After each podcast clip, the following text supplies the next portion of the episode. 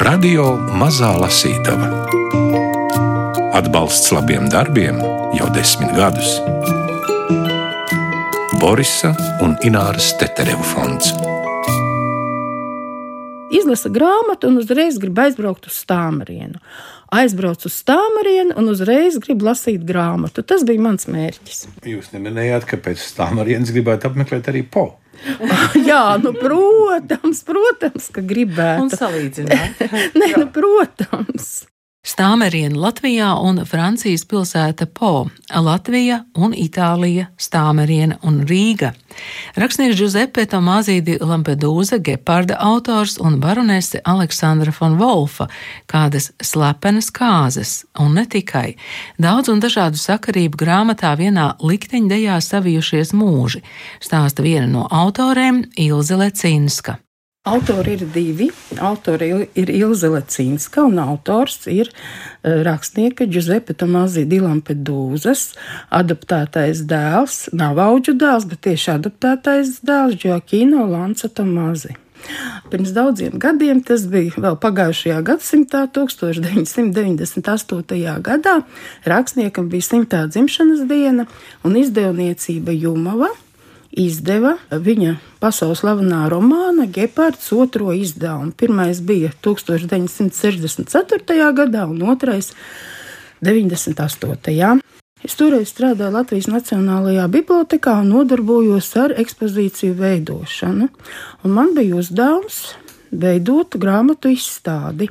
Un pēc pāris gadiem, tas bija 2002. gads, es saņēmu tādu darba uzdevumu veidot izstādi, bet šoreiz kopā ar arhīva kolēģi arī par šo pašu tēmu, vispār par Stāmarienas pili. Ne tikai par rakstnieku, bet par Stāmarienas pili, par visu vēsturi, būvvēsturi, par cilvēkiem, likteņiem. Un tad mēs ar kolēģi sapratām, ka tā materiāla ir ārkārtīgi daudz. Katra uzrakstījām zinātnisku rakstu, es uzrakstīju pāris rakstus, un tad sapratu, ka pietiek materiāla arī grāmatai, un bija uzaicinājums no izdevniecības Jumava, jo viņi savukārt bija sazinājušies ar adoptēto dēlu. Viņš bija devis savu grāmatu un teica, ka viņš gribētu redzēt šo grāmatu pārtulkotu. Bet, kad redaktori paskatījās, saprata, ka tas ir rakstīts no itāļu pozīcijām. Un tas, kas interesē latviešus, paliek tā kā aiz iekavām. Tad es tiku uzrunāta, nu, un rezultāts ir grāmata. Laiks iepazīties ar Stāmerienas mūžu un Aleksandru von Wolfu, bet stāsts jau nebūs tikai par viņu, lasa Gunārs Aboliņš. Lai gan Aleksandras dzīve pagāja pilī, viņa skaidri jūta, ka ar rudens tuvošanos ikvienā zemnieka sētā notiek īpaša rosība, ko pavada ābolu, tikko novāktu dārzeņu un labības smarža. Kādā rudenī Aleksandras tēvs ar tēvots Paulu cieši nolēma Stāmerienā jārīko gada tirgus. Bija nepieciešama oficiāla atļauja, tādēļ 1897. gada 27. oktobrī brāļi iesniedza vidzemes gubernatoram lūgumu atļaut Stāmerienas mūžā ik gadu novembra sākumā rīkot gada tirgu. Gubernators neatteica, atļauja tika dota, preču ražotājiem un amatniekiem atlika tikai izmantot šo iespēju. Aleksandra un Olga, kā ik viens 19. gadsimta beigās dzimis bērns, redzēja, kā mainās dzīve un visa apkārtne, bet jaunais gadsimts daudzos ieviesa jaunas cerības. Šķita, ka tagad sāksies interesanta un laimīga dzīve. Lieki būtu teikt, ka viss izrādījās gluži citādi, bet ap gadsimtu mīju to neviens vēl nenojauta. Īpašas izredzes pavērās Sirmajai Rīgai, kas posās 700. gadsimtai. Senā pilsēta negribēja atpalikt no sava laika, tādēļ gatavošanās šiem grandiozajiem svētkiem bija sākusies jau 1898. gadā, kad tika nolemts, ka jubilejas galvenais pasākums būs Rīgas rūpniecības un amatniecības izstāde. Iespaidīgā ekspozīcija, kas aizņem toreiz vēl neapbūvēto esplanādes laukumu, Rīgu rotāja trīs mēnešus, un tai bija vistiešākais sakars ar Stāmarienas mūžu. Kad Rīga gatavojās svinēt savu 800. jubileju, lielākajās bibliotekās īpaši pieprasīts bija bagātīgi ilustrētais albums, kura nosaukums runā pats par sevi. Rīgas jubilejas izstāde 1901. Krāšņajā izdevumā detalizēti dokumentēta izstādes norise. Šajā izdevumā var atrast ziņu, Borisa un Paula von Wolfa mūža bija to vidzemes saimniecību vidū, kas piedalījās izstādē, turklāt ar panākumiem. Stāmerienas līnu ķīmiskās apstrādes fabrikas produkcijas saņēma Rīgas Svētā Jāņa ģildes zelta medaļu grupā Bekleidung apģērbs. Šī ražotne mūžā tika celta tieši Borisa von Wolfa laikā un pabeigta neilgi pirms gadsimta mīs, laikā, kad baronam jau bija ģimene. Fabrikai, tāpat kā mūžas zāģētavai, bija tvaika turbīnas dzinējs, un tā ieņēma nozīmīgu vietu visas mūžas saimniecībā. Līni, līdzīgi kā cita mūžā saražotā produkcija, bija jātransportē. Ap 1903. gadu tika izbūvēta arī šaursliežu dzelzceļa līnija, kas pievienojās jau minētajai Valkas Pērnavas līnijai, ko Krievijas pirmā pievadceļu sabiedrība uzbūvēja jau 1897. gadā. Tā savienoja Ziemeļlatvijas pilsētiņu Valku ar Pērnavu un atradās apmēram 100 km no Aleksandras vectētiņa Eduarda von Wolfa celtās Stāmerienas pilsētas.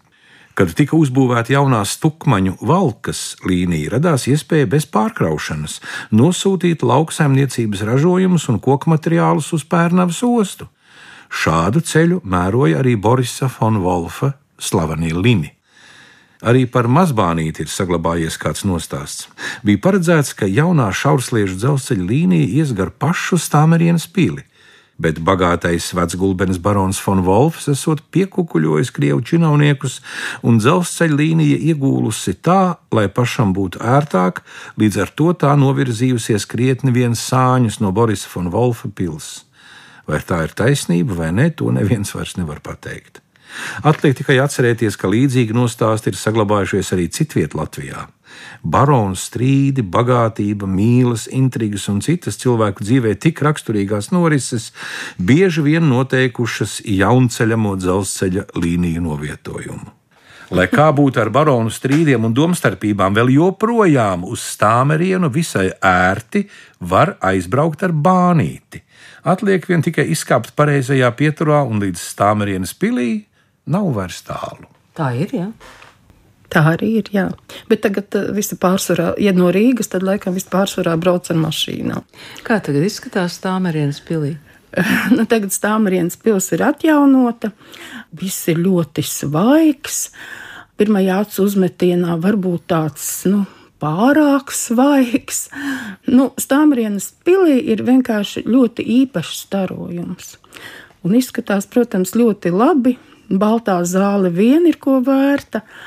Nu, un apkārtne arī ir brīnišķīga, nu, jauki. Tātad stāmerienas mūžas izveidošanās. Tieši Johans Gotlības II von Wolfs uzskatāms nevien par Stāmerienas pilsētas pirmo īpašnieku, bet arī par šīs mūžas dibinātāju. Stāmerienas salīdzinājumā ar citām vidzemes un Latvijas mūžām bija samērā jauna.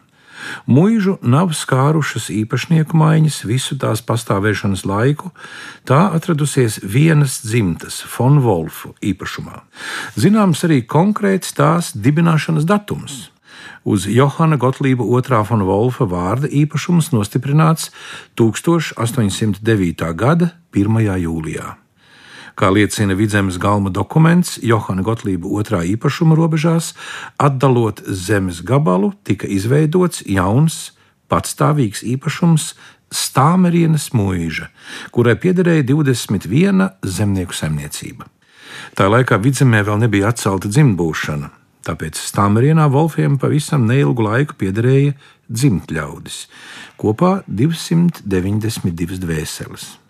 Tā glaznainos stāmerienas un pogas ezera krastos aizsākās jaunās mūžas saimniecības veidošana.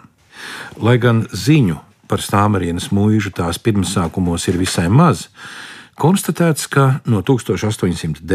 līdz 1815. gadam tika uzceltas vairākas mūžas saimniecības ēkas. klēts ar brandvīna pagrabu, rīja stallis, laidars, kaļķu dedzinātava, smēde. Neizpalika arī spirta brūzis. Grūtā zemnieku darbā sarūpētie produkti tikuši uzglabāti ledus pagrabā.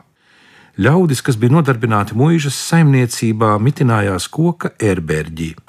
To sedza glīts sarkano dakstiņu jumts, pār kuru šalca bagātīga koku lapotne. Apkārtne stāmerienā bija pakļauta gan cilvēka vajadzībām, gan skaistuma izjūtai. Vai citādi maz varētu būt? To taču bija veidojusi Eiropieša roka un prāts. Allaža rosīgais Johans Gotlības II von Wolfs sasniedza sirmgalvju vecumu. Viņš mirra 1817. gada 7. jūlijā. Nu, visi iepriekš minētie gādīgā tēva īpašumi ar iekoptu zemi bija jāsadala septiņiem dēliem. Stāmerienas mūža tika jaunākajam dēlam, Heinricham Johanam Friedricham. Kā tad tas uh, itālis Lampedūza nonāk līdz uh, Latvijai? Tās ir slepenas kāzas. 1932. gada 24. augustā, lai gan ar nākamo sievu, Aleksandru Fonu Wolfu, viņš ir pazīstams jau agrāk. Viņi iepazīstas 26. gadā, nu, tādā interesantā veidā. Aleksandrs tēvs, Boris Fonu Wolfs, ir miris 1917. gadā, un ģimene ilgu laiku dzīvo arī Pēterburgā. Nu, skaidrs, ka ir nemieri, ir revolūcija, un trīs sievietes. Tā ir Aleksandras māte, pasaules slavenā dzied, dziedātāja Alise Barbija, ar divām meitām. Nu, viņi vienkārši tur nevar palikt. Un viņas eh, atbalsta, un arī viņām palīdz nokļūt Latvijā Pietro Della Toreta Tomāzī. Un tas ir Giuseppes tēvocis. Nu, viņa laimīgi arī nokļūst Tāmarienā, un pēc tam, jā, uh, Alise apprecās ar Pietro Toretu. Tas ir Giuseppes tēvocis. Un tad, kad Aleksandra satiekas ar Giuseppi Itālijas vēstniecībā Londonā, jo Della Toreta ir diplomāts, Alisei līdzi ir meita Aleksandra, un Tureta līdzi ir brāļa dēls Giuseppe, jo viņš ir diplomāts, un viņi satiekas tur, Itālijas vēstniecībā Londonā. Sākumā tā gan ir tikai garīga mīlestība, jo Aleksandra ir precējusies ar pirmo vīru, Andrē Pilaru von Pilhau. Nu, viņiem abiem ir viegla depresija, jo Giuseppe ir ievainots Pirmajā pasaules karā, un viņš pat izvairās no Palermo. Un Aleksandra zina, viņas vīrs, oficiālais vīrs, Andrē, nekad nav slēpis to, ka nu, mūsdienās to sauc par netradicionālo orientāciju. Nu, un laulības dzīve tās visās izpausmēs nenotiek. Un viņi uzreiz saprot, ka viņi ir dvēseles radinieki. Abiem patīk literatūra, abiem patīk Šekspīrs, Aleksandrai Dostojevskis, Čuzepēm patīk Tolstojs. Viņiem ir ļoti daudz par ko runāt, un vēl abiem ļoti patīk suņi. Un šīs sarunas turpinās, un viņi saprot, ka viņiem vajadzētu sarakstīties, jo šīs vēstules emocionāli uzturēs abas puses. Un tā viņi sāk sarakstīties. Giuseppe pirmo reizi 1927. gadā ir stāmerienā, nu nekāda greizsirdība jau tur nevar būt, un dzīve ir kā pie aristokrātiem. Vietas pilī ir daudz, visi trīs kopā var dzert tēju. Nu, bet eh, tā vēl nav mīlestība visās tās izpausmēs. Tā sākās tad, kad Aleksandra aizbrauc uz Romu. Nu, tas ir pētnieki domā, ka tas varētu būt 31. Gads, 31. gada pavasaris. Nu, un tad Aleksandra nolēma, ka ir jāšķirās no pirmā vīra un jāprecās ar Giuseppe. Nu, Giuseppe paslepus caur Berlīni atbrauc uz Rīgu. Un viņi arī salauzās tajā baznīcā, kas ir pie centrāla tirgus. Un Giuseppe raksta mātei vēstuli, tu jau zini, kādēļ es braucu uz Rīgu. Viņš domā, ka māte to sapratīs, ka tēvs to sapratīs, bet būtībā viņš ir atbraucis slepeni. Māte neko neatbild, tēvs neko neatbild, bet nu pamazām nu, tas ir jāpieņem. Un uh, māsa Olga tieši tā arī raksta, kas ģimenē bija par skandālu. Ir sprāgusi viena bumba, ir sprāgusi otra bumba. Nu, bumba sprāgusi, tas nozīmē emociju izvirdums. Nu, tā arī šī kopdzīve sākas. Slepenās kāzas. 1932. gada 24. augustā pie bagātīga zeltītā ikonostasa Rīgas visvētākās dievmātes pasludināšanas pareizticīgo baznīcā, ko dēvē arī par Svētā Nikolai pareizticīgo dievnamu, stāvēja divi cilvēki, kas bija labi iepazinuši viens otru un saglabājuši savas jūtas par spīti pagalām nelabvēlīgiem apstākļiem. Līdz mūsdienām nonācis arī laulību liecības noraksts, kas tiek rūpīgi uzglabāts Latvijas valsts vēstures arhīvā, un neapšaubāmi ir visnozīmīgākais un interesantākais arhīva dokuments, kas saistīts ar rakstnieka uzturēšanos Latvijā. Par laulībām nu jau precētais vīrs paziņoja Itālijas konsulam Latvijā. Precību laikā Aleksandra dzīvoja netālu no baznīcas nelielā un samērā vienkāršā piecstāvu viesnīcā Excelsior Hotel. Gogoļa ielā 5. Šai rajonā, kur tolaik vēl nebija ne Zinātņu akadēmijas augstceltnes, ne tādas dzelzceļa stacijas, kādu tur redzam pašlaik, slēdzās daudz ēku, kas saistītas ar pareizticību. Pa viesnīcas logiem pavērās skats uz greznu zvanu torni, turpat netālu atradās stacijas baznīca, kur pirms tālā ceļa viens varēja nolikt svecīti un izlūkties visaugstākajam labvēlīgu ceļu vēju. Giuseppe dzīvoja daudz atšķirīgākā pilsētas rajonā, Vecrīgā. Viņš bija apmeties pretī Rīgas pilī, graznajā un vēsturiskajā Pēterburga hotelī. Šai nelielajā ēkā ar lausto jumtiņu un kārtīgi sarindotiem lodziņiem iepriekšējos gadsimtos bija piestājušas daudzas slavenības. Pirms simt gadiem te uz dažām stundām sava koncerta ceļojuma laikā bija apmetušies Klāra un Roberts Šūmaņi. Šai namā 1920. un 1921. gadā uzturējās vairāku valstu delegāti, kas bija ieradušies uz Rīgas miera sarunām. Pirmās republikas laikā, kad te uzturējās Lampedūza, tā joprojām bija augstākās klases viesnīca, lai gan vairāki daudzstāvu hoteļi to greznībā jau bija krietni vien apsteiguši. Taču Giuseppe par to nedomāja, viņam prātā bija tikai kāzas. Klusajām un pieticīgajām laulībām bija nepieciešami liecinieki. Nevarēja būt divu domu, ka par vienu no tiem jāpieaicina Ludmila Iljašenko. Otrs liecinieks bija mūziķis, domājams, sens von Wolfa ģimenes draugs Hermanis Radionovs, kura vārds nākotnē mūziķa aprindās nebūs svešs.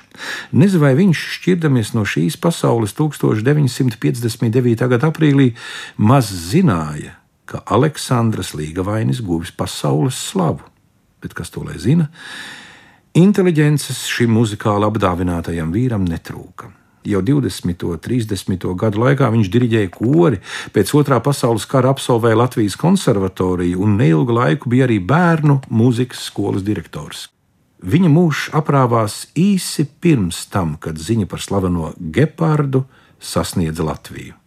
Nav liecību, ka Hermans Radjonovs būtu uzturējis kontaktus ar Lampedūzu precēto pāri arī pēc kāzām. Nu, tagad jūs varat teikt, ka ir tāds pielikts punkts šim stāstam, jā? Es domāju, ka nē. Bet es domāju, ka to varbūt varētu darīt nu, kāds cits un turpināt. Jo redzat, kas ir šo pili ir cēlis Aleksandrs vecais tēvs 19. gadsimta nu, 30. gados. Un par viņa dzīvi, par Eduarda von Wolfa dzīvi, ir zināms ļoti maz arī tajā pētījumā, ko paši von Wolfi, ne tikai Stāmerienes von Wolfi, bet vispār visa Wolfu dzimta, ko paši ir veikuši. Tur ir tikai divas rindiņas. Bet tad, kad es skatījos Aleksandras tēva Borisa von Wolfa biogrāfiju, tur ir rakstīts, ka viņš gimnājā gājis gan Rīgā, gan Jēlgavā, gan Po. Un tad es tā sāku domāt, nu, gimnājā, jebkurā laikā tas vēl nav pilngadību sasniedzis jauneklis, lai pēc kuriem gadiem vienalga mēs to mērītu. Viņš vēl nav pilngadības. Nu, kā viņš varēja gimnājā mācīties uh, Dienvidu Francijas pilsētā, kas ir uh, netālu no Francijas, Spānijas robežām? Nu, kā tas tā iespējams? Nu, un izrādās, ka tieši tā arī bija kāds žurnālists ir viņu Eduardu Fonu Wolfu, tātad Aleksandrs veco tēvu, pavadījis viņa gaitās po pilsētā. Un, ja mēs paņemam Stāmerienas pili, vienalga vai tā pirmā pils, vai arī tā, kas ir 1908. gadā atjaunota, ja mēs paņemam Stāmerienas pili un popili un paskatāmies, tad mēs redzam, ka abas pilis ir vizuāli ļoti līdzīgas. Es iedomājos, ka varbūt Edvards Falks vēlējās, lai viņa pils atgādina popili. Tas ir tikai mana tāda doma. Nu, tā kā nav zināms ne pirmās pilsētas projekta autors, ne otrās pilsētas projekta autors, tad varbūt kādreiz tieši tā tiks eh, uzzināts, kas tad ir pili cēlis. Nu, tādā ziņā, kas ir pilsētas arhitekts. Ilzas Lecinskas un Džokīmno Lancas Tomāzī grāmatu vienā likteņdejā savijušies mūži Giuseppe Tomāzī di Limpedūza un Aleksandra von Wolfa izdevusi Jumava. Lasīja Gundars Āboliņš, stāstīja Ilze Lecinska. Radio Mazā Lasītava Atbalsts labiem darbiem jau desmit gadus. Borisa un Ināras Tetereva fonds.